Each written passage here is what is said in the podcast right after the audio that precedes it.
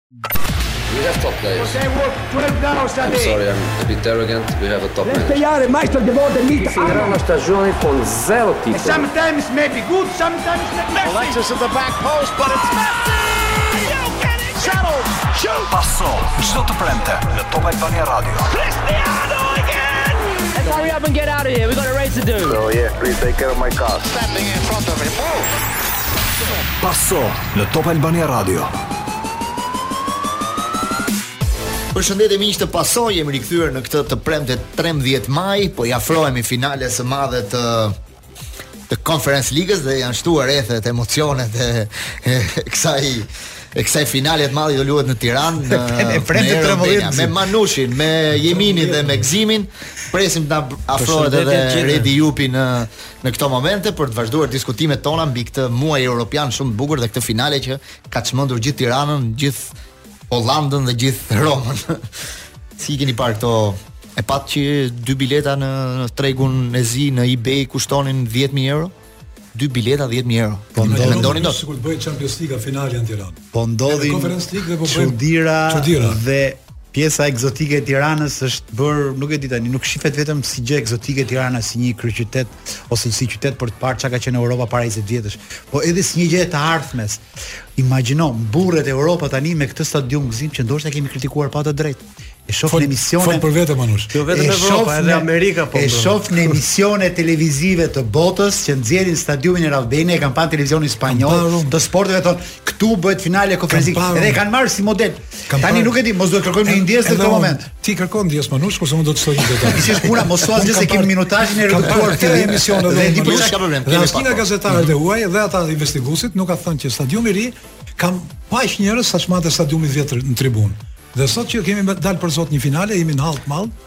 se tribuna është shumë e vogël. Në fakt, nuk e deri thot. deri javën e kaluar ne diskutuam javën e kaluar që gjithë Europa po fliste, media italiane flisnin finalen në Tiranë, kjo ka qenë uh, reklam shumë e madhe për Tiranën gjithë, por në këtë javë ka ndryshuar pak situata, sepse italianët kanë ndryshuar dhe këndvështrimin e tyre. Tani thon finale do luhet në Tiranë, stadiumi është shumë i bukur, është i ri, është modern, por është shumë i vogël. Po dhe dhe mediat holandeze për kapacitetin dhe kërkesat që ka. Imagjinoni pak flitet sikur në Në Shqipëri, në Tiranë, në datën 25 maj do vinë 60 mijë tifozë të Romës. Imagjino çfarë do thotë 60 mijë?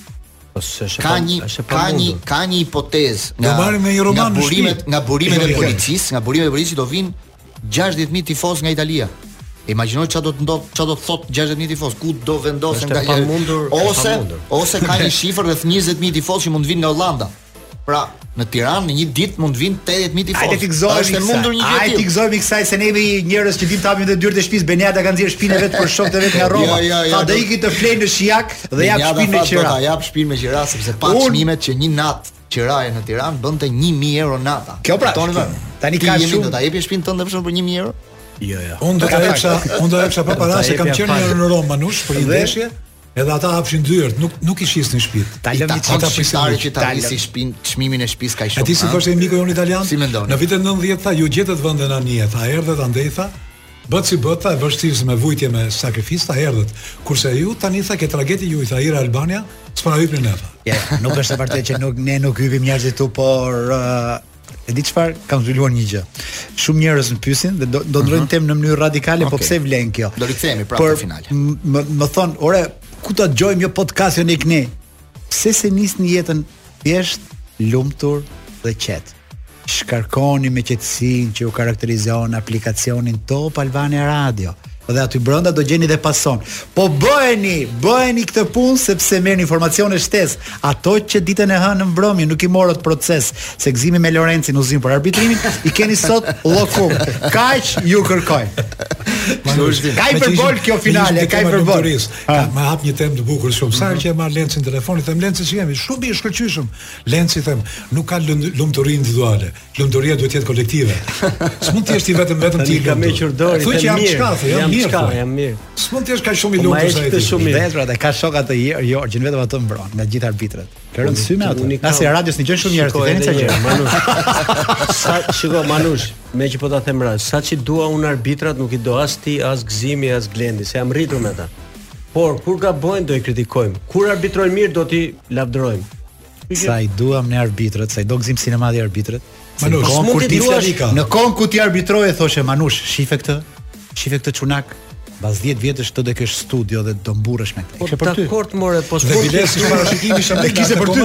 Do ta bëjmë Manushim tha se ai është si punë Kasandre, do ta bëjmë në djalë mode atë. E ka thënë për mot. E ka thënë këtë. E tha edhe këtë Manushi. Bravo Manushi. Faleminderit. Tani çuna erdhi momenti për shkëputjen tonë të parë, do rikthehemi prapë të flasim për finalen sepse ka shumë ngjarje dhe shumë zhvillime në këtë finale të Conference Ligës në Tiranë.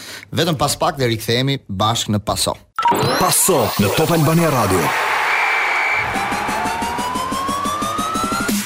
Jemi rikthyer në këtë pjesë të dytë në Paso, është bashkuar me ne edhe Redi Jupi për të diskutuar për finalen, për organizimin, për gjithçka që e rrethon këtë event të rëndësishëm të, në Tiranë në muajin maj. Redi, ç'u vonove një? Unë u vonova se se po bëja dhomë gati për Manushin, sepse shpinën e vet do ta lë me qira këtu tifozëve te Nordi. Sa sa është çmimi, sa është çmimi. Unë ëndërr e kam të fle me çadër ke futboll Republikë. Po të lutem, më vë të flemë, Unë nuk luj futboll, po të fle në një fushë. Kur kur ngjes një kalavaj të luan të leni. Me Apo gjithë ato. Për gjelbrim tani. Atë ja, do, pa, do. për organizimin e finales dhe për gjithçka tjetër ne do kemi tani në lidhje telefonike kryetarin e bashkisë zotin Erion Veliaj. Përshëndetje. Çuna përshëndetje, si jeni? Jam në studio me Përshëndetje. Ed Manushin, Redi Jupin, Lorenc Jeminin dhe Gzim Sinematin, kështu që faleminderit për pak minuta që do jesh me ne për të na thënë gjërat më më të rëndësishme rreth kësaj finale, si po shkon organizimi, Dhe dhe një gjë që ne nuk e dimë. E paske bërë ekipin e kalçetos dhe duket goxha. Po po po po. Kështu që fillon Manushi pa, ti ja me pyetjet. Kryetar, faleminderit që gjete pak kohë me ne. Ti vdes për sportin, por na ke lënë pas dore, nuk e di. Ë, shiko, ti je i zënë, unë vetëm ty të shoh në televizor. Se ma lek, lek. Lek, shoh se kryetar, shoh se punës në televizor. Sot e do me provë, sot kemi një ndeshje, me drejtorin tonë sportiv Gjergj Muzakën dhe gjithë ekipin e bashkisë kundër wow. Bashkimit Evropian. Kështu që sot vendoset fati ynë në Europë. Tirana Europa. Po do me provë që jam akoma në fushë. Jo, vetëm e di çfarë dua, vetëm emrin e portierit bashkisë dua. A plaren dreta, ato ke. Ai e mbron mirë po. Ore ju talleni ka qenë portier profesionist luante me Laçin me Mamurrasin. 100% e di ka qenë. Nuk e di sa gjurmë ka nëpër kërcinjtë dhe nëpër këmbët e gjithë ish lojtarëve, kështu që mos e merrni me shaka. Thuaj ti edhe të krat kundër portierit se do reni pa hyrë. Jam i sigurt do jetë në një nga këta të marrumin e këta burokratë. Kryetar, kalojmë si kryetar direkt te kjo finale e madhe te ky eventi i datës 25 në Tiranë. Se e dimë që bashkia është protagoniste kryesore Kësaj mikpritje të tifozëve të Romës, të Hollandës, por jo vetëm. Manush, në fakt i kemi ndarë detyrat. Federata Shqiptare e Futbollit merret me stadiumin dhe çdo gjë brenda. Bashkia e Tiranës merret me gjithçka jashtë. Do të thotë, duke filluar nga transporti me shuttle uh, të dedikuar nga Rinasi në Tiranë për të gjithë tifozërit, mhm. me përgatitjen e dy fan zonave, fan zona e Romës është përcaktuar nga organizatorët bashkë me kolegët e bashkisë do të jetë tek diga e liqenit, fan zona e Feyenoordit do të jetë tek pedonalja e Tiranës, ndërkohë që sheshi Skënderbej do të jetë një fan zonë neutrale, do të thotë për ata që janë turistë që nuk janë le të themi të identifikuar me njërën apo tjetrën, do të ketë le të themi atë atmosferën tipike që ka fan zona që organizohet në në Tiranë. Bashkia e Tiranës do vazhdojë të bëjë ato punë në fakt që di të bëjë më mirë, pra organizimin e eventeve në sheshe, siç e kemi provuar në shumë fanzona të ngjashme në të kaluarën, dekorimin e qytetit, siç e dini nuk i lëmë mangut as festave me karakter fetar, siç ishte muaji i Ramazanit apo Pashkët që kaluam, ashtu dhe këto javët e kulturës apo Tirana kryeqyteti Kre, është Amerikë. Kryetar, sa sa sa sa njerëz presim? Ka një shifër të përafërt se ka ca shifra që po, po që po na habisin pak, 60000 tifozë të Romës po. flas. Ne jemi përgatitur për... me një diapazon nga 40 deri në 100 mijë veta. Kështu që ky është diapazoni, e cili sigurisht që do varet nga numri i njerëzve që mund të rezervojnë biletat, kapaciteti që ka Rinasi, kemi dëgjuar shumë raste ku avionet do do të ulen për pak minuta sa të zbrazin pasagjerët dhe shumë prej tyre do të parkohen në aeroportet e vendeve ngjitur. Kam dëgjuar për raste në Podgoricë, në Ohër, në Shkup, edhe do të vijnë vetëm për t'i marrë sepse s'ka hapësirë fizike për aq shumë avionë. Kështu që do të duhet që të improvizojmë me kreativitet në shumë prej këtyre gjërave. Po siç po thoja, detyrat e qytetit janë organizimi i këtyre tre fanzonave, Roma, Feyenoord dhe Neutralia, mm -hmm. organizimi i transportit, ne do të kemi një vendim të Këshillit Bashkiak të, të enjten për të aprovuar gjithë buxhetin për shuttle ato që quhen coaches, pra autobusë të një, le themi, komoditeti të lartë, që do të bëjnë vetëm segmentin shuttle Tiranë Rinas. Dhe sigurisht i kam dëgjuar edhe këto muhabetet e hoteleve, por duhet të shpjegoj një gjë, jo për të mbrojtur Tiranën, se ju e dini që unë për mhm. Tiranën nuk fal njeri, po duhet të kuptojmë diçka, kur hotelet e qytetit futen në platforma si Booking apo si Expedia apo secila prej këtyre po. platformave, praktikisht e kanë dorëzuar hotelin e tyre ndaj algoritmit të platformës. Pra, mm -hmm. edhe kur kanë qenë lojërat olimpike në Athinë, po marr këto gjëra afër nesh, edhe kur ka kampionate të, të Champions, algoritmi për si si si fluturimet me avion, mund ta kapësh fluturimin me avion, Edhe me linjat e ulëta për nëntëmbëdhjetë euro, mund ta kapësh kur je në mes të mbushjes së avionit dhe për dyqind euro dhe kur je edhe pasagjeri i fundit pesëqind deri një mijë euro. Pra, ka një algoritëm që automatikisht ngre çmimin teksa shtohet oferta dhe ulet, e kuptueshme, e kuptueshme, kërkesa dhe ulet oferta. A ka spekulantë? Patjetër që ka spekulantë dhe ka autoritete siç është konkurrenca apo siç janë uh, inspektorët financiarë për t'i parë këto gjëra. Por nuk do të doja që të bënim këtë lojën ku ne nxijmë veten tonë, se kur shikoj që të njëjtët gazetarë edhe më vjen keq për këtë që e them. Po të mm. njëjtët gazetarë që i gëzoheshin uh, një lajmi të rremë që Kupa do transferohej në ose ndeshja do transferohej në Athinë, Po këta gazetarë që ë nxjerrin këto lajme duke sharë gjithë industrinë e, e turizmit në në Tiranë, këta janë njerëz që kanë ndërtuar hotelet me mund, që kanë marrë markat, që kanë marrë yjet, që punësojnë qindra njerëz, po në momentin që je pjesë e një rrjeti global, të Booking apo të gjitha këto agjencive të tjera, është algoritmi ai që cakton dhe Kryetar, pse ne nuk rrezikuam në asnjë moment largimin e kësaj finaleje? Flas për kohën kur bëhej një lloj Debati, nuk... federata, bashkia, qeveria? Tani të sqarojmë disa gjëra. Ne debate do bëjmë gjithmonë. Uh, ju kujtoj që në lojërat uh, olimpike të, të Japonisë, uh, ai një prej menaxherëve kryesorë të lojërave të Japonisë para se ne të mbërrinim, pra mm -hmm. kur mhm. kishin filluar ekipet të mbërrinin para se të fillonin lojërat, uh, u shkarkua. uh, për uh, diçka që kishte bërë që kishte thënë. Pra, që vendet kanë mosmarrëveshje dhe që unë t'i qëndroj gjithmonë disa parimeve për të pasur transparent edhe në futboll siç kemi shumë fusha tjera, këtë s'e luan topin. Po që unë di të bëj diferencën midis çfarë janë ë rrobat e palarat të shtëpisë që nuk varen në në tel për t'i parë bota, kjo është diferenca që ne duhet të kuptojmë.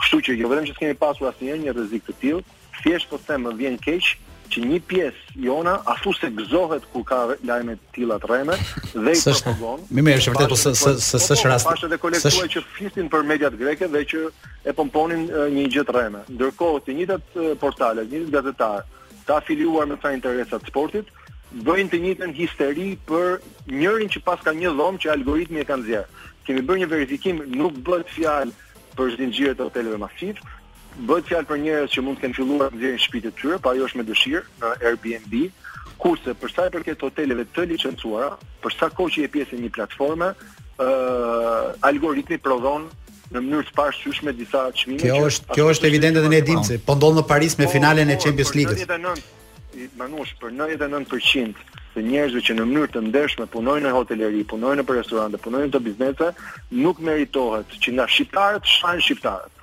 Përkundrazi, ky është një moment që po s'folëm mirë për njëri tjetrin, si do flasi mirë bota për ne. Kështu që është koha për treguar anën tonë më të mirë. Dhe pastaj mbasi mbaron uh, finala, ne mund të kthehemi uh, debateve siç uh, na duhet të kemi debate për disa tema. Po kjo është një kohë për të punuar bashkë edhe për të nderuar Tiranën. Kryetar, një një pyetje, një pyetje për gazetarinë që do të nxjerrë një lajm. Lutem, kam kemi tani është moment ka paqe të madhe tani midis federatës dhe në bashkisë. Politikave sportive të bashkisë ka paqe të madhe apo apo është qetësi para tufanit? Apo është qetësi para tufanit. Bashkia e Tiranës ë uh, u përfshi për të pasur zgjedhje transparente për shoqatën e Tiranës, sepse aty merr pjesë. Vërtet. Dhe i patëm ato zgjedhje dhe morëm atë vendim gjykate që na dha drejt. Idealisht do doja që e njëjta e drejtë të ishte për gjithë Shqipërinë. Për sa i përket Bashkisë Tiranës, të drejtën tonë fituam uh, u bë një garë transparente dhe fitoi edhe me vendim gjykate, por edhe me votat e klubeve, ë kandidati që e bëri në mënyrë të hapur dhe në mënyrë transparente garën. Kështu që këtu mbaron le të themi pjesa që intereson Bashkisë Tiranës. A meriton kjo betejë të vazhdohet për më tej? Unë besoj që po, dhe nuk do hezitoj ta vazhdoj këtë betejë mbas ndeshjes. Por di të them Si çdo shqiptar i mirë duhet të bëjë, ashtu siç ne i bëjmë thirrje dhe kundërshtarëve tanë politikë. Kur vjen puna që ne anëtarësohemi në NATO, që anëtarësohemi në Bashkimin Evropian, që jemi përpara Këshillit të Sigurimit, atëherë të gjithë ne duhet të jemi bashkë, sepse është një marrëdhënie e Shqipërisë me botën. Kështu që kjo vlen edhe për marrëdhëniet e Bashkisë Tiranës me FSHF-n.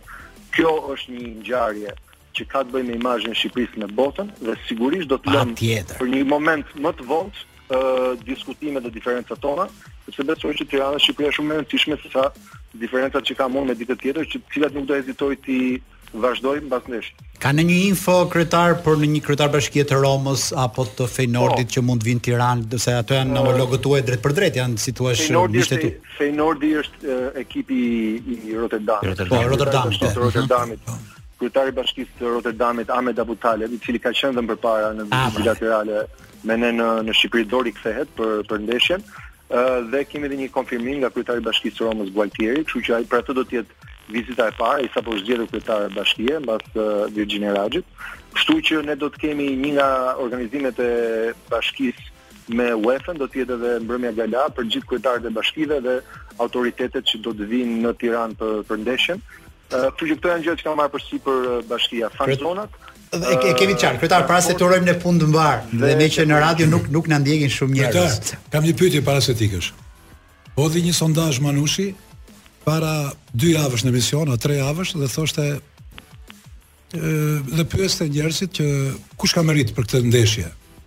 Dhe sipas sondazhit doli që përqindje më të madhe e merrte Federata, që kishte sjellë ndeshjen, më pak meritë përqindje merrte qeveria.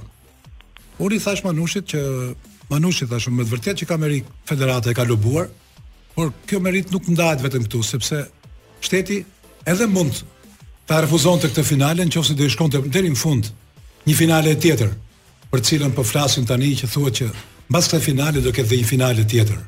A është e vërtetë që që merita ndahet... tani nuk merren spaleta mbas kësaj finale?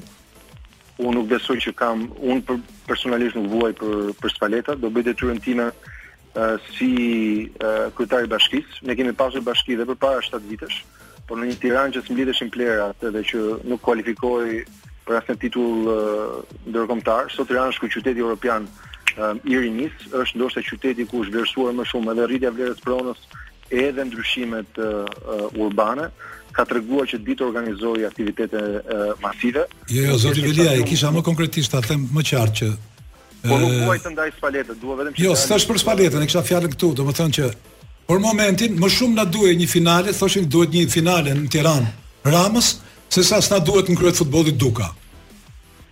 Në fillim të shfrytëzojmë mirë këtë finale, pastaj luajmë ndeshjen tjetër. Nuk i kam dëgjuar këto komente dhe thjesht po them, ky është një oportunitet i jashtëzakonshëm për t'i treguar botës një pra, pra. Tiranë super moderne dhe për gjithë të tjerat, siç thashë unë s'i kam s'i jam shmangur asnjë beteje.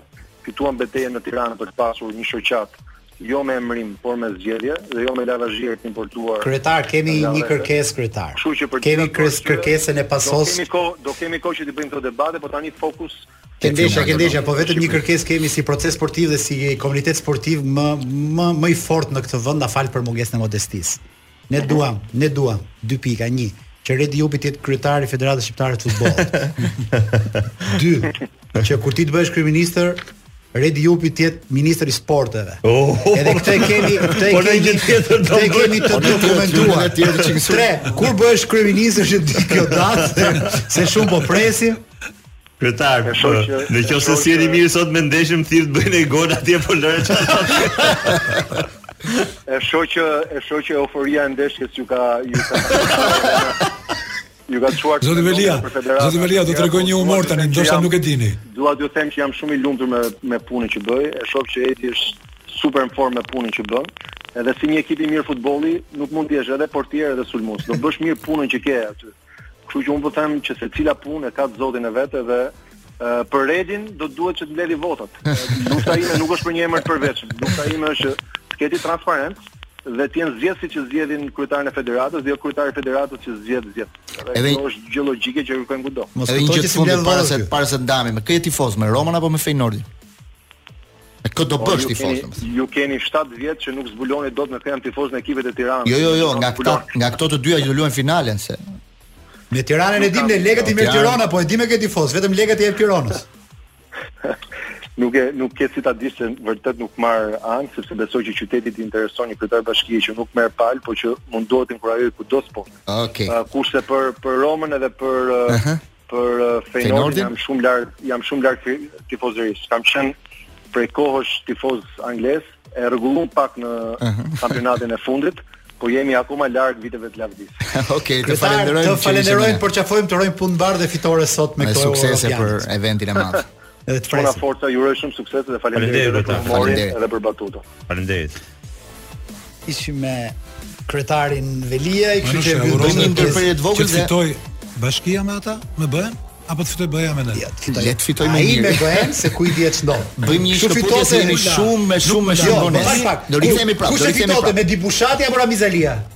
ndeshjen. E Gjithmonë e fiton Rudhësi. Atë e fitoi Europa. Jemi rikthyer në Pasos në këtë pjesë të tretë. Vazhdojmë diskutimet tona në lidhje me finalen e Conference Ligës me Jeminin, me Zim Sinematin, me Redi Jupin dhe me Ed Manushin dhe tani na është bashkuar edhe Lorik Cana, që është ambasadori i finales që do të luhet në Tiranë në datën 25 maj. Lorik, përshëndetje. Përshëndetje, përshëndetje. Çepe, Pyetja e parë që do të bëj, sa bileta ke deri tani për finalen? Se këtë pyetje bëjnë gjithë shqiptarët dhe jo vetëm. Po, përgjigja do jetë e njëjta për jo vetëm për ju, por për të gjithë, jo mjaftueshëm. Jo mjaftueshëm. Po a ke për vete këtu. Ora është e vërtetë që kupa do futet në ato valixhe Louis Vuitton, unë s' jam kurioz edhe këtë pjesë do të shoh.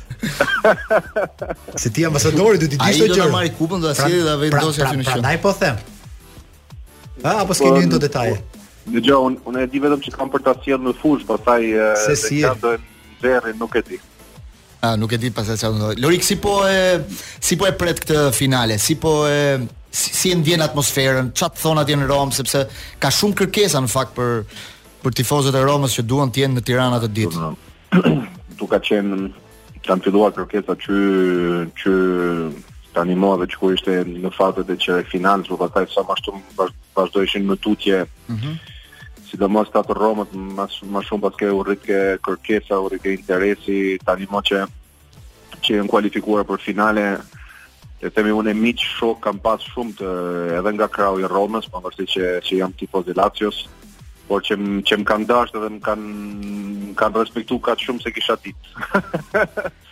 Gjithsesi, patjetër këtu është një është një kërkesë jashtëzakonisht e madhe po po përflitet patjetër shumë për eventin. Mm -hmm. Për ta plus për Romën është pak më e veçantë sepse kanë pothuajse 40 vjet që nuk kanë kanë shkuar në finale të të një. Çfarë do të thotë Lorik për për Tiranën, për ty personalisht, për imazhin e vendit tonë, sportit tonë një një një një eveniment si ky? Se unë nuk unë nuk e unë nuk e nuk e ndaj nuk e ndaj uh, as Lorik as Eri, nuk e ndaj pjesën nga të nga një nga një nga një shqiptar ose nga pjesë si siç jeni ju në në radio aty apo si siç është gjithkush mundohemi të jemi mundohemi të jemi të presim sa më mirë duke mos fare e diskutuar pjesën e organizimit sepse jemi të monitoruar vetë nga UEFA dhe dhe mm. dhe, dhe gjithçka është bërë nga UEFA, Ministria e Rendit e gjithçka ajo nuk nuk Shpresoj duke shpresuar njëherë që mos të ketë mos të ketë probleme rendi, por aty nuk nuk besoj. Është një përgjegjësi e madhe sepse duhet të shkojë gjithçka mbarë. Unë jam shumë i sigurt që vetë vetë ne shqiptarët do mund të mundohemi të të tregojmë anën tonë më të mirë të mikpritjes, duke filluar nga organizimi, duke filluar nga eksperienca që do vijnë, sepse do vijnë shumë njerëz, ata që kanë bileta në stadium, si ata që nuk kanë bileta në stadium. Por besoj që do do tregojmë faqen tonë më të mirë, pastaj Do ketë sigurisht si në çdo event disa gjëra që nuk do shkojnë, por në përgjithësi jam shumë i sigurt që njerëzit që do vijnë pavarësisht rezultatit, do do mbesin të kënaqur me me mikpritjen, siç ka ndodhur me tifozët që kur, kur kanë ardhur me lujt kundër ekipit ekipit kombëtar. Në këtë rast është pak më e veçantë, por besoj që do jetë një një ngjarje e rëndësishme për të gjithë ne. do t'i rritë edhe shumë edhe shumë le të themi raportet mes po. mes sidomos mes Italisë dhe edhe edhe Shqipërisë. Lorik përshëndetje, Gëzim jam. Si je ti? Gëzim, përshëndetje. Ë uh, Lorik, kuptohet që në raste të tilla do të duhet të tregojmë vlera më të mira. Por mm -hmm. puna është që si tregohen vlera më të mira në një ndeshje finale, kur kur mhm. ndeshja finale do bëhet në Tiranë, po biletat i ka bota, nuk i ka Tirana. Tashi neve kemi për mhm. detyrë mm -hmm. që të jemi jashtë stadiumit të bëjmë pjesën më të mirë, mos marrim pjesë në ngjarje. Janë gjithsej 1000 bileta që kanë ndarë në tre pjesë midis federatës, qeverisë dhe bashkisë mm -hmm. dhe njerëzit nuk janë mhm. stadium. Ata që rropaten gjithë vitin nëpër stadiume nuk janë në stadium. Tashti mhm. kjo ndarje kështu, edhe kur luan kombëtarja, e njëjta histori me biletat bëhet shumë e vështirë pjesa e biletave. Dhe pastaj do t'i bëjmë thirrje njerëzve që do jenë në ambiente të jashtme, që në fund mm -hmm. fare duhet të kemi frikë, moralisht duhet të kemi frikë, se kemi javë për javë që kemi kemi pas gjëra dhune në futbollin tonë. S'kemi shumë njerëz dhe ata që janë na prishin terezinë e, e ngjarjeve. A mjafton kjo që vetëm t'i bësh thirrje njerëzve të tregojnë anën më të mirë? Mirë. Më tjerë, kjo nuk, kjo nuk ka të bëjë zi, përveç dëshirës dhe mundësisë për të parë një finale evropiane që shumë nga njerëzit, të cilët janë në vendin tonë nuk do kenë mundësia të ndryshme dhe mundësia të tjera dhe këta e kuptoj. Dhe patjetër, le të themi mundësia më e madhe për t'ju dhënë akses ë patjetër që duhet të jetë. Pastaj janë disa kushte paraprake të cilët nuk i nuk i shmangësh Nuk i shmangësh dot kur ti bëhesh host kur ti pret një një finale europiane. Ajo ka të bëjë me dy skuadra që do vijnë, do ketë kuotat e tyre, kuota jonë stadiumi jonë vërtet është është modern, por nuk e ka gjithë atë, a le të themi atë atë hapësirë për të pritur aq shumë kërkesa po, se se sa ka vogël kërkesa që janë pothuaj 8000% apo 300%. Si shpëtojmë dot këtë. Pastaj sot akses do kenë njerëz vendas aty, sigurisht sa më aq më shumë sa më mirë të jetë.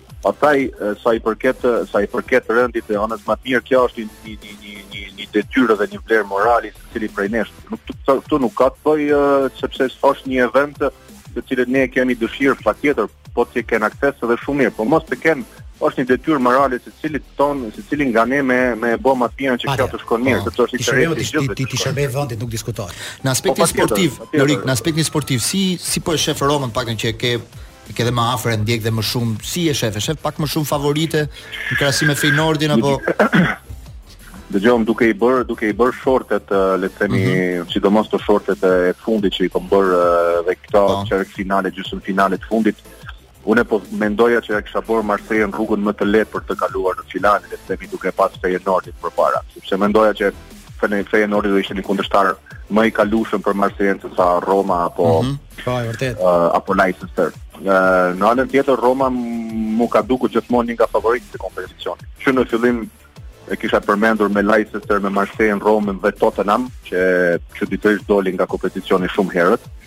Por Roma mbetet mbetet favoriti dhe mbetet favoriti. Po tifozëri më problematike Lorik.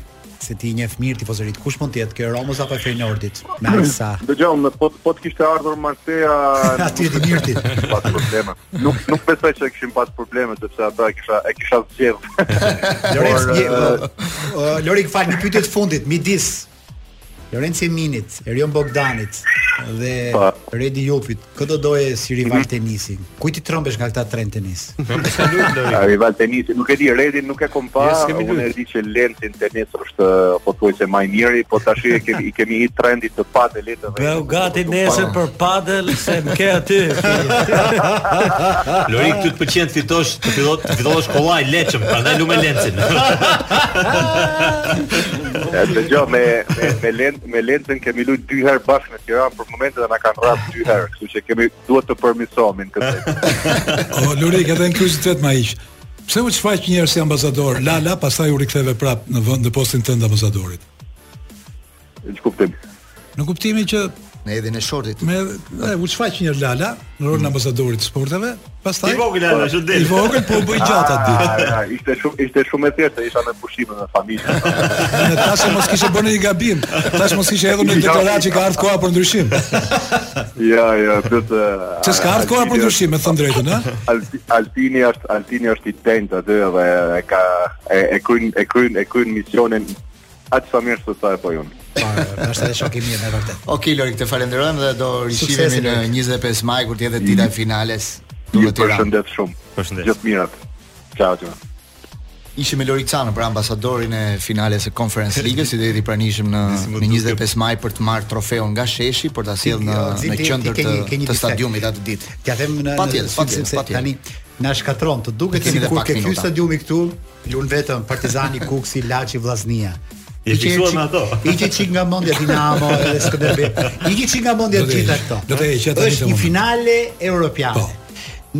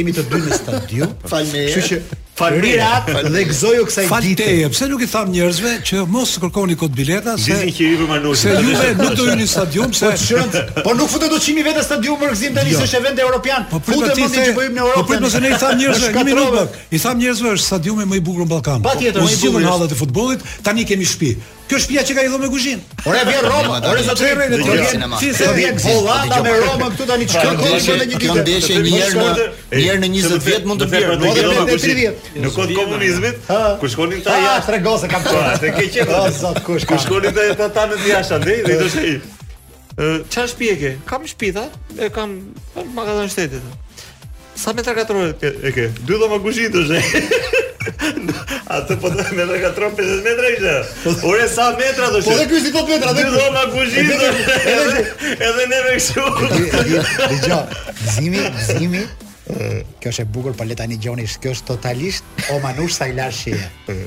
Gzimi, në shtëpi kanë qenë dy kurora, se ka po. qenë bashkë me vëllain e ka po. jetu me prindërit, janë dy vëllezër.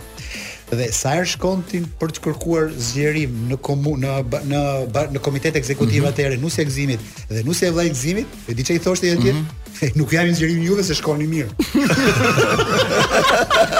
Kështu Tash edhe kjo është vërtet. Tash po tregoj. Manush, tash po tregoj një detaj më të bukur. Ne kishim dar, e kishim dar banjon me semafor, jeshila ata të kuqet ne. Kjo është test. Dhe informacioni i fundit për finale para se t'ia kalojmë linjën edicionit informativ, është se tifozët e Fejnordit do rrinë nga krahu i qytetit të stadiumit, ndërsa tifozët e Romës do rrinë nga krahu i liqenit në stadium. Drejtori i Pasos, i, shumë i keq, na jep këto me pikatore informacionet. Pasó në Top Albania Radio. Jemi rikthyer përsëri Paso në këtë pjesë të tonë të dytë të diskutimeve të në këtë të premte të datës 13 maj, patëm sot në lidhje telefonike kryetarin e bashkisë zotin Erion Veliaj që folën për finalen, për organizimin që do bëjë qyteti, por dhe Lorik Canan, ambasadorin e finales, i cili na tregoi rreth kërkesave dhe mikpritjes që duhet të tregojnë. Di ke, kryetari i bashkisë më ra në sy kur tha që para 7 vitesh dhe pse më ra në sy kjo? Uh mhm. -huh. Për shtatën e famshme. Shtata e famshme, po. Ja. Shtata e famshme Iute Credit të dashur miq, ju bëni aplikimet dhe Iute ju vjen në ndihmë. 0% interes, vetëm Iute Credit. i thotë mirupafshim halleve tuaja. Keni nevojë për para, direkt aty dhe blini ç'të doni. Iute Credit. Mbas këtij lajmërimi shumë të rëndësishëm që bëri Manushi, them që ta spostojmë pak diskutimin tonë të të finales së Conference League, do kemi mundësi të flasim. Do kemi edhe dy javë të tjera. Çdo javë, çdo javë për këtë për këtë event shumë të rëndësishëm që po afrohet. Do doja pak edhe të preknim ndoshta edhe çik aktualitetin europian që po ndodh. Për shembull, me Redin do doja të diskutoja pak në lidhje me me këtë deklaratë që që bëri Guardiola gjatë kësaj jave që tha përgjithësisht gjithë gjithë Anglia apo gjithë Europa janë tifozë me Liverpoolin dhe shumë pak janë ai ndjen një lloj ndjen një lloj mënjanimi nga mediat, nga tifozët në gjithë atë, atë garë që bëhet në në kampionatin anglez. Ë, nuk është e vërtetë në kuptimin që ose është gjysmë e vërtetë. Ëh, mm -hmm. domethënë Liverpooli vërtet është një një skuadër me tifozëri të madhe, një nga skuadrat me tifozëri më të mëdha në botë për hir të historisë së saj dhe të të kaluarës së lavdishme, po edhe të tashmes shumë të rëndësishme që që që ka. Ëh dhe për momentin City po bën një rrugëtim shumë të rëndësishëm atë që ka bërë Liverpooli në vitet e tij të arta. Pra, tani po fillon të marrë City kreditet në këto 10 vjet e fundit, po themi të marrë kreditet e asaj kohe të shkuar në të cilën Liverpooli ë, ka bërë gjëra gjëra të mëdha dhe gjëra të lavdishme. Janë ca dekada brenda Janë të po janë Liverpoolit që s'e janë gjdo. dekada që nuk e heq dot, nuk e Që nga kënga, që nga shkallët, që nga çdo gjë që ka Liverpool, Liverpooli është futbolli vetë. Ora ma, City ka rikuperuar shumë shpejt atë gepin e madh, diferencën e madhe që ka të tifozërisë për- të- me Liverpoolin sepse për shkak të, të specifikës së kohëve. Tani nuk kemi më shumica tifozëve nuk janë tifozë e, stadiumi, tifozëri stadiumi që vijnë atje, Po janë tifozëri që ndjekin që ndjekin ndeshjet. Plus Brazili, plus Brazili. Brazili, pra, Brazili që, që është total. Nuk janë prezent dhe këta domethënë e ngjashme historinë e Barcelonës. City e ka e ka e ka fituar shumë shpejt atë kohën e, e munguar. Po, mendoj që janë dhe deklarata të cilat pra, të duan të do të thotë jo, që është më shumë një atmosferë sikur Sikur më shumë ka entuziazëm Liverpooli yeah, jo, yeah. Jo. se sa Manchester City për shkak të mënyra e Guardiolës të të bërit mediatikun. Ka dhe ai ai e përdor këtë do të luajë kartën e inferioritetit ka ka shumica shumica tifozërisë që është kundra Liverpoolit janë të Man United. E saktë fare. Por në këtë rast tifozëria e Man United nuk mund të mbështesë Man City sepse janë janë janë janë kanë derbi brenda. Ato kjo është kjo është problematika. Ë për shembull, Evra ka bërë një deklaratë në lidhje me me Guardiolën dhe thotë që Guardiola ka shumë të vështirë për të trajnuar lojtarë me personalitet. Ai lojtarët shkojnë te City vetëm prej parave, nuk shkojnë për Guardiolën. Ndryshe është situata me Kloppin, që është një trajner sigurisht tërheq më shumë lojtarët, ka një lloj raporti më të mirë me ata dhe sh sh ka shumë lojtarë që bëjnë reagime ndaj Guardiolës në aspektin e menaxhimit të grupit që ai bën. Ndryshe nga nga raporti që kanë me Klopin apo me me Ancelottin po marrim Evra Evra është një nga figurat, legjendat e, e Man United. Dhe në këtë mhm. rast është pak po themi mban krahun. Mba, ka është ka shumë mban shumë krahun në këtë rast. Mm -hmm. Për mua janë dy trajnerë shumë të mëdhenj. Janë dy në këtë moment janë dy më të mirët në botë. Edhe të ndryshëm. Edhe të ndryshëm. Edhe ka lezet këtu. Edhe të ndryshëm. Edhe Do të thuash njëri apo tjetri është shumë e vështirë. Do të gjithmonë kur bën një kur bën një analizë të tillë, vëre veten sikur ti do ishe ti pronari i një klubi, dhe do të thotë sa të vështirë do të kishe të zgjidhje të merrje njërin apo tjetrin. Pra, Vërtet është. Nëse ti do kishe buxhetin e duhur dhe thoshe kë do merre, ë do do do e Kloppin ose apo Guardiolën. Pra, këtu është madhështia e tyre. Ka të drejtë fjalë futbolli më nush, nëse Nëse ia del dhe në finale Real Madridi, do ndërtohet kulti i ri i një njeriu që kishte vdekur para dy vjetësh, i Ançelotit. Do rizgjohet se. Do rizgjohet sepse ska unë sepse në Itali unë mendoj që edhe pa finalen i është po. i është rizgjuar kulti i tij. Është rizgjuar pra po kështu është futbolli një herë të vdes një herë të ngre lart. Po puna është që kur trajnerët interesohen për futboll të bukur, ne s'ka ç'na duhet domethën deri këtu shkojmë neve. A janë të interesuar për të luajtur futboll? Liverpooli është ndoshta më i shpejtë, është më vertikal, këta janë më më gjeometrik. Po ajo që thotë Evra është dhe vërtet. Po të shofësh librin që ka shkruajt një nobelist, librin e Ibrahimovicit, fillon direkt me Guardiola me sy poshtë. Që kur merr vendime të rëndësishme nuk shikon në sy. Guardiola edhe e dëgjon nga shumë futbollistë, po futbollistë ndryshe, jo futbollistë shumice. Ibrahimovic për shembull është ndryshe dhe ia dedikon gjithë njerëzve ndryshe një parathënie shumë të veçantë, I thot pranojeni veten ashtu siç jeni, mos u fusni të gjithë. Njerëz, njerëz që e kanë njoftur po nga afër. Mos ndryshoni dhe Guardiola është gati thoshë ti ja di gjuar. E mbani mend portierin e Valencias Santi Kanisares, që unë po, e ndjek shumë. Ai e ka njoftur personalisht Guardiolën. Ke parasysh që themi ne ndonjëherë i talentum ky zotnia X, Po legen si tip. Guardiola është legen si tip në tonza. Domethënë, është negativ në marrëdhënie. Legen sigurisht është fjalë dashje jo, e gjetur. Po po them jo, çka do ti rrugëve, por në marrëdhënie njerëzore Guardiola lë për të dëshiruar dhe e kam dëgjuar nga gjithë enturazhi i tij i afërt. Nga të gjithë ti po të flasësh me Tiamin e Iniestës me gjithë, ai donte të impononte dhe të po. nxirrte pak në pah veten e tij. I ka bërë një menaxhim ekselent vetes nga Barcelona, Bayern Munich, Manchester City dhe ai bën çfarë do ai. Atë se është njeri, po, sepse ai është po, vetë biznes po, në mënyrën si e bën atë. Po nuk e njeh se është i zoti apo i dhe tani. Përveç përveç kësaj. Jo, edhe po s'i rezultati, se ata mund të kenë po do të ka fituar katër premier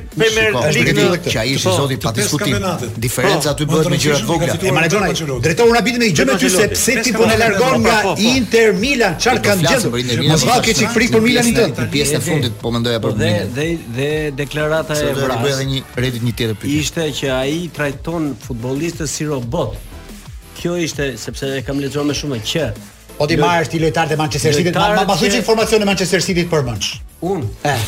Po ta them. Jo, jo, ti dhe mund të thuash se ke filluar të shohësh futboll vonë edhe ti më vonë. Po. po ideja është kjo që nuk janë të Nuk janë lojtarë po, pra, që ty po, të ngelin në mendje që të thuash të Realit pak a shumë e jo pak a shumë dihen. Dihen. Kurse aty ai këtë luan ai ka futur robotizimin,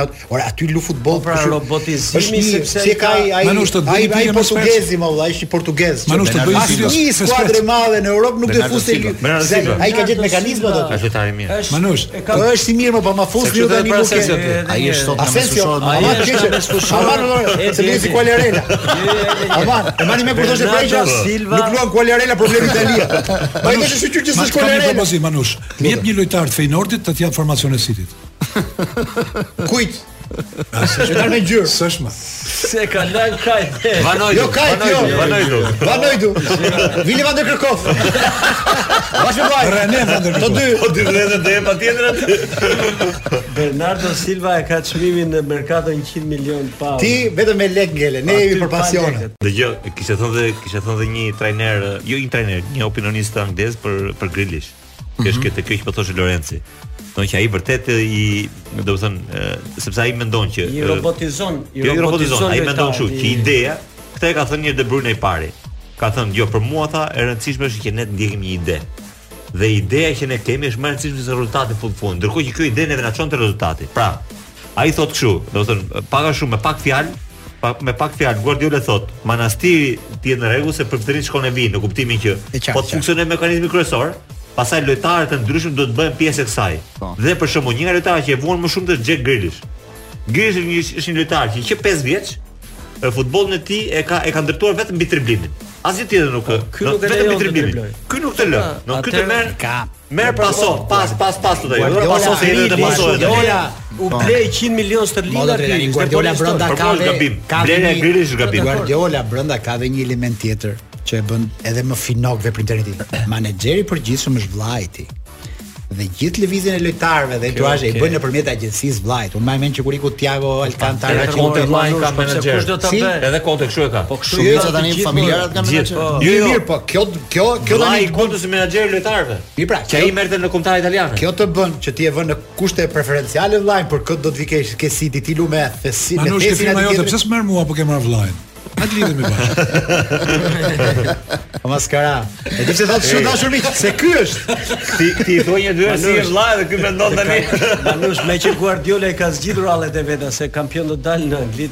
Futemi te hallet tona dhe unë nuk kam se kemi pak. Unë e zgjidha hallin tim, ja, ja. zgjidha hallin tim pse?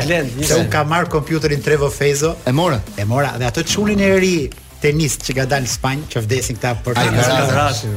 Alcarazin. Mhm. Tani unë e shoh 24 orë, sepse me Trevo Fezo më vjen si zgjohet ky në mëngjes, gjithë aktivitetin që bën dhe parashikoj që për 3 vjet do ia kalojë Nadalit. Në gjithë që more vesh Manush.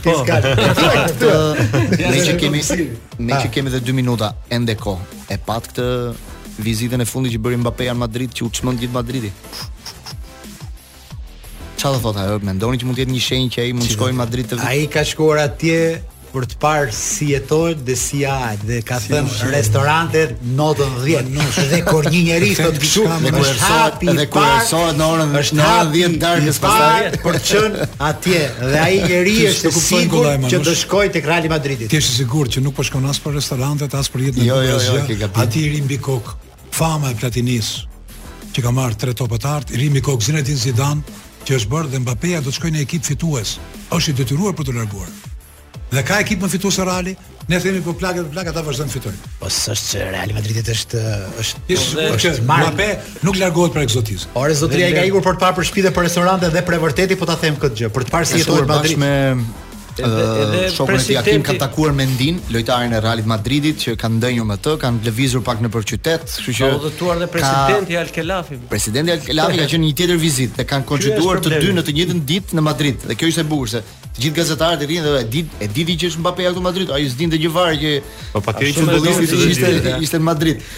Po situata ishte shumë Madridi shumë interesante, është çmendur gjithë Madridi tani me ardhjen e tij, se thonë Kjo është shenja e parë që ai do vijë në në korrik, mendohet që mund të bëhet prezantimi. Madridi është vendi më ko, më komod për personazhe si Mbappé, me atë, me atë president që ka. Aty kanë ngel të kënaqur që nga Ronaldo fenomeni, se e kanë mm -hmm. treguar historinë e dasmës së Ronaldos, që la gjithçka dhe iku u martu ke kulla Eiffel. Dini ju? Jo. jo. Një ditë të caktuar Ronaldo duke qenë në pres stërvitje ke Real Madridi, i thotë presidentit, president, do martohem javës tjetër te kulla Eiffel kam dasmë. E presidenti e merr shumë seriozisht dasmën. Po. Ajo ishte një nga dasmat që bënte me të dashurat e veta. Ndërpret gjithë aktivitetin, shkon gjithë Reali atje për surprizë, një mega dhuratë i bën presidenti, kur i thanë ata, o president, ky fejohet e martohet çu çdo javë. Po çfarë thonë? Dhe e kanë një gjë këta lojtarët me ngjyrë. Ta marrin gjithë kushurinë me vete. Vetëm Messi është i trishtuar. Po. S'e le gruaja. Neymar janë 20 veta, ikin gjithë te ai. S'e le gruaja. Sa në momentin e grushit Manush, janë grushit. Ndërprerjen tonë të fundit dhe më pas rikthehemi për finalen për të folur për Milanin dhe për Interin që ah, rivalizojnë për titullin kampion këtë javë. Paso në Top Albania Radio. Rikthehemi tani në Paso për pjesën tonë të fundit për të vazhduar diskutimet mbi fundjavën europiane, por më përpara doja të bëja një pyetje Redit në lidhje me finalen e Champions Ligës. Për shembull, si ndikon te dy skuadrat finaliste, Real Madrid dhe Liverpooli, muaji maj. Në njërin krah kemi Liverpoolin që ka bërë ndeshje të rëndësishme, ndeshje të forta, ndeshje pa e ulur ritmin, ndërkohë që në krahun tjetër Real Madrid ka mundësi për të menaxhuar, sepse për shembull siç e pamë në derbin me Atletikon, ai Benzemanë la jashtë, Vinicius e futi mbrapa, Modric e futi mbrapa, domethënë ka filluar një proces menaxhimi duke qenë se kampionati ka mbaruar dhe s'ka më asnjë rëndësi. Unë do preferoja që të të kisha mundësinë e menaxhimit për shembull. Do kjo është me zgjedhje. Do jo, jo me zgjedhje, kjo është me do preferoj Real Madridin sot. Po Real Madrid. Që ai bën një fazë situata brenda një fazë përgatitore për finalen. Po, është situata shumë komode, në kuptimin që mos harrojmë që kanë bërë një kompeticion dhe sezon të gjatë të të dyja, sidomos Liverpooli më duket nëse 63 ndeshje do të jetë në finale, që do jetë pra, rekord. 63 ndeshje, po them po edhe po themi presioni i shtuar psikologjik, psikologjik për ta fituar kompeticionin, sepse edhe ajo të merr të të, të merr energji të, të sajat, të bën që në këtë pikë të sezonit mbase mbase të kesh kosto. Pra, në qoftë se do ishte fillimi i sezonit, më mirë situata e Liverpoolit, i cili duhet të jetë në tonus, ë, po themi për të për të bërë ndeshje të rëndësishme që të shkojë drejt një kompeticioni të rëndësishëm siç siç është finalja.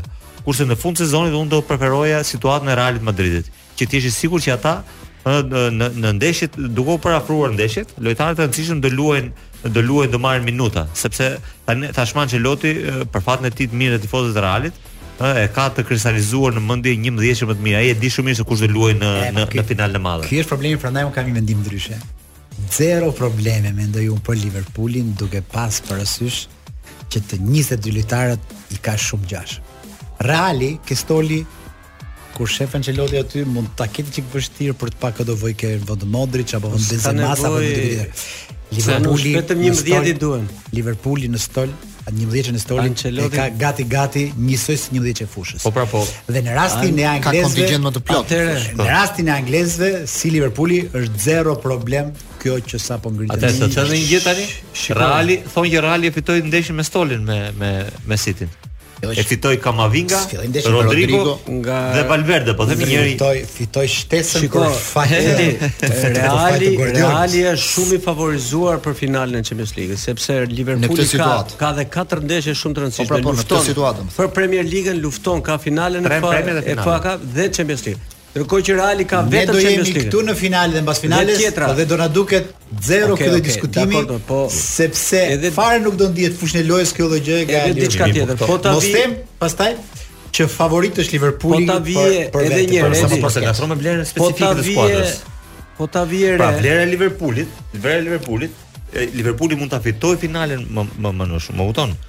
Por ama, në qoftë se do ishte në një situatë më komode, por e do preferonte, do preferonte të kishte këtu kampionatin dhe të po, fokusohej kështu. Po them, po ti në këtë çështje, po se ta shëngatron se do influencojë. E pra, do influencojë kjo situatë apo jo? Kjo gjendje. Do të them që mbajtja në ton do jetë pozitive. Në të tilla nivele, këto diferencat e vogla e bëjnë gjën. Edhe me Tottenhamin që luajti dhe barazoi Liverpooli, po ta shikoje ndeshjen, Liverpooli nuk ishte ai që barazoi. Madje ishte në humbje deri vonë. Ë? Po pra po. Kështu që mos harro që 20 ditë, as 20 ditë s'kanë ngelur. Dhe ka Po s'është për mbingarkesë, më është se atje, atje edhe ti Tottenham është pak Liverpool, edhe Evertoni janë gjithë skuadra të ngjashme atje të vdes. Tani është momenti për Kostandinin. Ku je Kostandin sot? Përshëndetje, si jeni? Përshëndetje Kosta. Kosta, më, më vjen një zë që më thotë që je ke dera e PS-s, ke ngatërruar. Jo, jo. Ke nga jam shumë larg nga jam shumë larg nga dera e PS-s, jam në një vend akoma më të bukur se dera e PS-s. Ku je more? Te dera e PS-s. Sapo kam, sa, pasi ka 10 minuta që kemi ardhur, jam me, me ca shokë, jam në Shirokë, Shkodër. Shishi. Ja, ajo po që është dera. Javën e kaluar të kapëm ishe duke bërë zgarë me mish. Sot po, të kapëm Je duke marrë një krap atje, një krap atje në Shirokë. Krap edhe vezë krapi se ka akoma s'kemi porosit dhe kemi marrë nga një gotë verë edhe akoma s'kemi porosit, sa kemi ja. po sa në terezi e ke mo Kosta, ça duhet të bëjë robi për të pas jetën tënde? E thjeshtë duhet të ketë shokët më nushe. Vetë një jo blendin. Kosta e more biletën online, më se u çanë njerëzit duke marrë gjithë gjithë ata që po, janë tifozë, edhe ata aplikojnë online, si tifozi vërtet s'ka besim kjo online. Sa biletë online ka ka edhe do të sa tregtar të sa të tregut të zi edhe online kanë shef me ta pre ata biletën. Një ka slek të ta presë ato, sa po ato vlla. Na lodhi kjo qeveria me këtë e-Albania, na lodhi gjorët ne duhet të çojmë kompjuterë e gjora tani. Dëgjo po, sa ditë do rrish andej, sa ditë do rrish. Po si sa ditë jo, do rrish Shirokë? Pa pastaj do të për Ulqin. Shefe, pas ka fundjavë të gjatë. Jo, ko. Kështu siç ke filluar Kosta më as xhaketë s'ke për të veshur. Shiko Kosta. Kemi ne Kosta ne kemi bërë një gabim me ty atë ditën e trotuarit që ke thënë Para se të fejohesha kam njohur gocën 2 metra. Dhe gjithë gjithë njerëzit më shkruajnë kush është kjo goca 2 metra e Kostës. Do vijë një ditë që po, duhet ta thuash ti Kosta se në televizion thuhen gjëra. Më më ndaloi një çun. Dhe më tha pash zotin sa si ka emrin, ishte do të thonë, më do thonë misteri i ditës është kjo si ka emrin ajo goca. Edhe përgjigja ime ishte thjesht nga fantazia e shfrenuar e Bled Manës. Dëgjo, tregoj ti shoh vetë çfarë bën ajo. Nuk është fantazi ajo, fantazi është 2 metra se një gocë është. Puna që as është 2 metra, do thuaj. Aty aty janë shumë goca, po kjo 2 metrosh është fantazi. Dëgjo, po Kosta është vërtet që ti në radio flet se e di që s'ndjek gruaja, se televizion je më i frenuar. Edhe kjo është një arsye pse flas lirshëm në radio. Se televizion çfarë bën ajo kur shkon në shtëpi aty? Televizion fillon atë, fillon hap bllokun e shënimeve të thirrjeve. Po po thuaj çfarë se dia por që ti sill apo ajo kur shkon në shtëpi. Ai, okay, Kosta, hajde, të falenderoj, kalofsh mirë aty. Faleminderit. Shihemi tonë, shihemi tonë. Emision bar. Pjesën e fundit tani do doja të flisim pak për Serie A sepse edhe këtu kemi një garë super të hapur, super të bukur me me Milanin dhe Interin që kishin vite pa rivalizuar me njëri tjetrin në në këtë në futbollin italian. Dhe kjo to dy pikët e diferencës dhe fundjava shumë e ndezur tani e bën garën shumë interesante. Milani do luajë për shembull të dielën në orën 18 me Atalantën, ndërsa dy orë më vonë në orën 20:45 Cagliari do të luajë me Interin Po Kaleri është në në rrezikun për të rënë. Shumë, ka shumë objektiva, shumë i bukur me këtë. Ka shumë objektiva për të për të marrë në këtë dhe duket sikur Interi ka një kampionat tani ka një kalendar pak më të fortë se Milani, edhe pse Milani luan për shembull me Atalantën dhe Sassuolo ndeshën e fundit. Interi ka Kalerin jashtë dhe Sampdoria brenda që prapë është një skuadër që rrezikon. Në fakt mua nuk më nuk nuk ka nuk më thotë gjë të madhe kalendari sepse të të të, të dy skuadrat, të katra skuadrat janë poshtë nivelit teknik të të, të dyve, edhe të Milanit mm -hmm. dhe të Interit. Por gjendja që po tregojnë, Milani tregoi tregoi një gjendje shumë të mirë psikofizike me me me, me Veronë, atë fitoren 3-1. Sepse ishin në dizavantazh mm -hmm. me mhm. skuadër shumë të fortë, me skuadër që të rëndësishme në në domethënë në vlerat teknike të saj, sepse Verona vërtet ka bërë një kampionat shumë mirë dhe ka lojtarë të rëndësishëm brenda. Ë, por mënyra se si e ktheu Milani, cilësia që tregoi, domethënë forma shumë e mirë e Leaos, Tonali që mbase mua nuk është se më më më çmend si lojtar, po themi, por të gjendesh atje të bësh gola kaq të rëndësishëm në ditë kaq të rëndësishme, domethënë tregon që ke ke mentalitetin e duhur. Fort mirë, dhe, shumë dhe fort. Pjesa dhe pjesa tjetër, domethënë kanë kanë stabilizuar shumë mbrojtjen. Më pëlqen skuadra, domethënë, është shumë shumë gati. Kessie tani po po po kalon një moment shumë të mirë Kessie. Ë Bennacer kur u fut më pëlqeu shumë pra. Janë shumë lojtarë, portieri është shumë i mirë, luan shumë me këmbët. Pra, nuk është se është dhe Interi keq, por ka dy pikë diferencë dhe Milani më duket shumë e vështirë. Milanit i duhen 4 pikë për të dalë kampion. Domethënë nëse në dy pikë do të javë dhe barazon ndeshjen e fundit është kampion. Unë mendoj që Milani me me me 90% është kampion i Italisë. Domethënë është një përqindje shumë e lartë. S'duket sikur gabon ashtu është. Në fakt redi kjo përshtypje sikur... erdhi mbas Veronës, mbas fitores të Veronës erdhi një lloj bindje. Erdhi një lloj fryme që tani e ka çuar për shkak në sondazhet që bën Itali 70% fitues Milani, 30% Interi me po, kalendarin edhe sikur ekipet që luajnë kundër Milanit sikur e kanë kuptuar që Milani po del kampion. E, shiko ka një po? jo jo si ekipet që luajnë kundër Interit.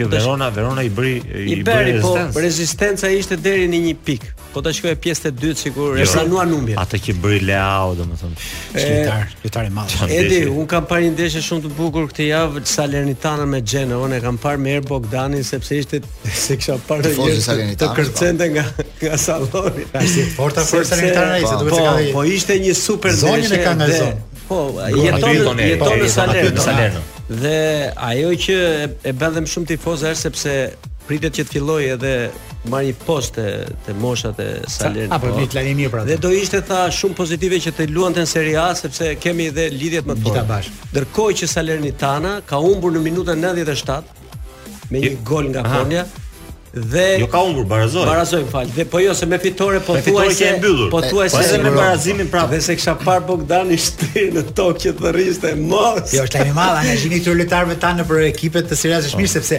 mund të jenë edhe po, si porta po, të rëndësishme për lojtarë shqiptarë po që mund të mund të shkojnë të kenë akses edhe kanë lojtarë shqiptarë Salernitana kanë lojtarë shqiptarë Salernitana jo, jo, nuk jo, ka por shiko Edi shtimi i elementëve siç është Tare, po themi nesër Bogdani që janë në rol. Është Skela te moshat e fundit. Është Skela dhe kjo është një gjë shumë pozitive për lojtarët shqiptarë të moshave. Sepse ka një ka një prurje interesante Redi do di se më thon shtyn nga poshtë shumë shqiptarë që kanë lindur në Itali kemi një ka një lloj ka një lloj pamje tjetër, duke qenë se ka shumë shqiptarë që luajnë atje.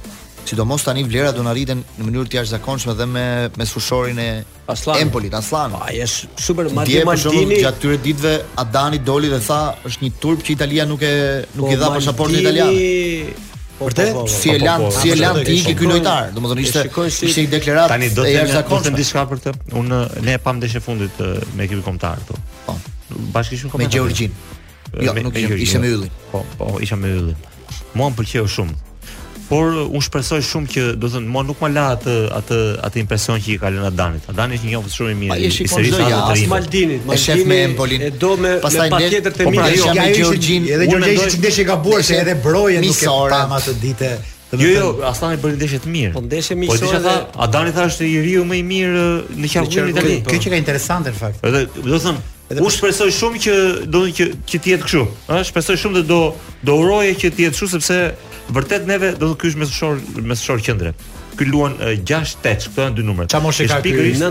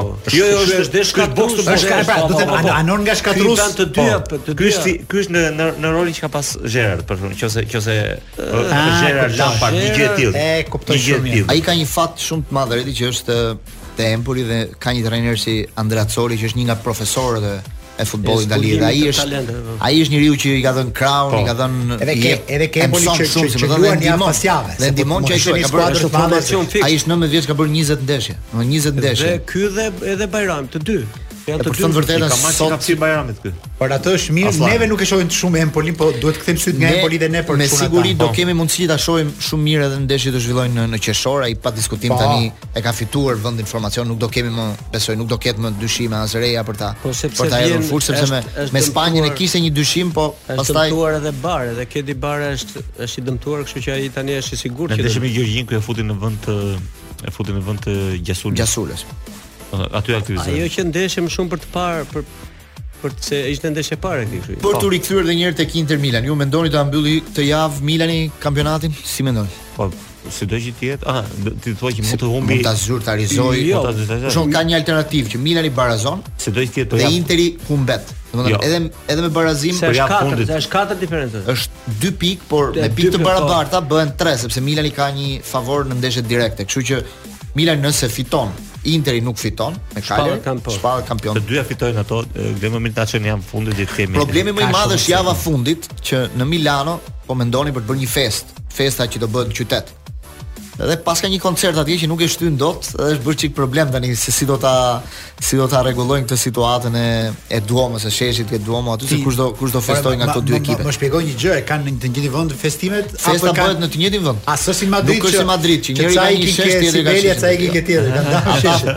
Ata festojnë vetëm në në Duomo aty përpara kishës.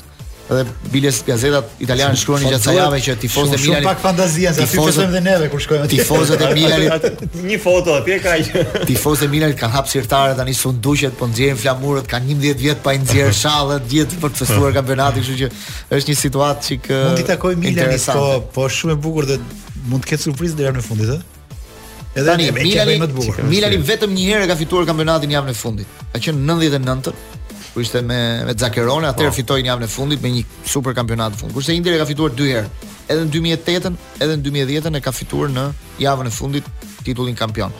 Herët e tjera pastaj ka ka fituar më shpejt në dhe po më tregonin po po po shikoja në fakt një një speciale mbi Ibrahimovic se dilema më e madhe e këtij kampionati te Milani është dhe Ibrahimovic, çfarë do bëj, çfarë do bëj Ibrahimovic. Në dy muajt e fundit Ibrahimovic stërvitet vetëm një herë në javë.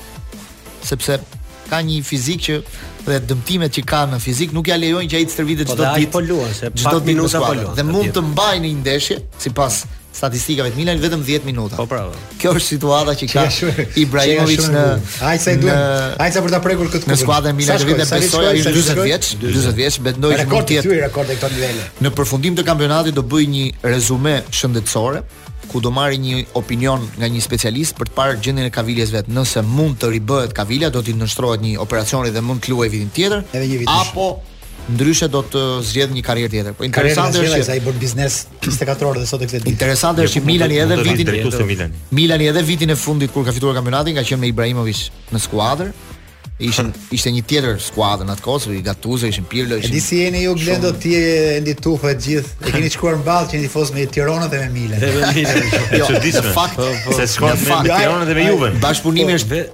Tirana dhe Juventus. Vetëm ta. Po, jo, ti aty ke dalë nga linja. Po e di vetëm ta stoka jo prish, është me Partizanin dhe me Milan. Çuna arritëm në fund edhe për sot. Faleminderit, ju falenderoj që ishit me ne në paso dhe do ridëgjohemi përsëri të premten e ardhshme.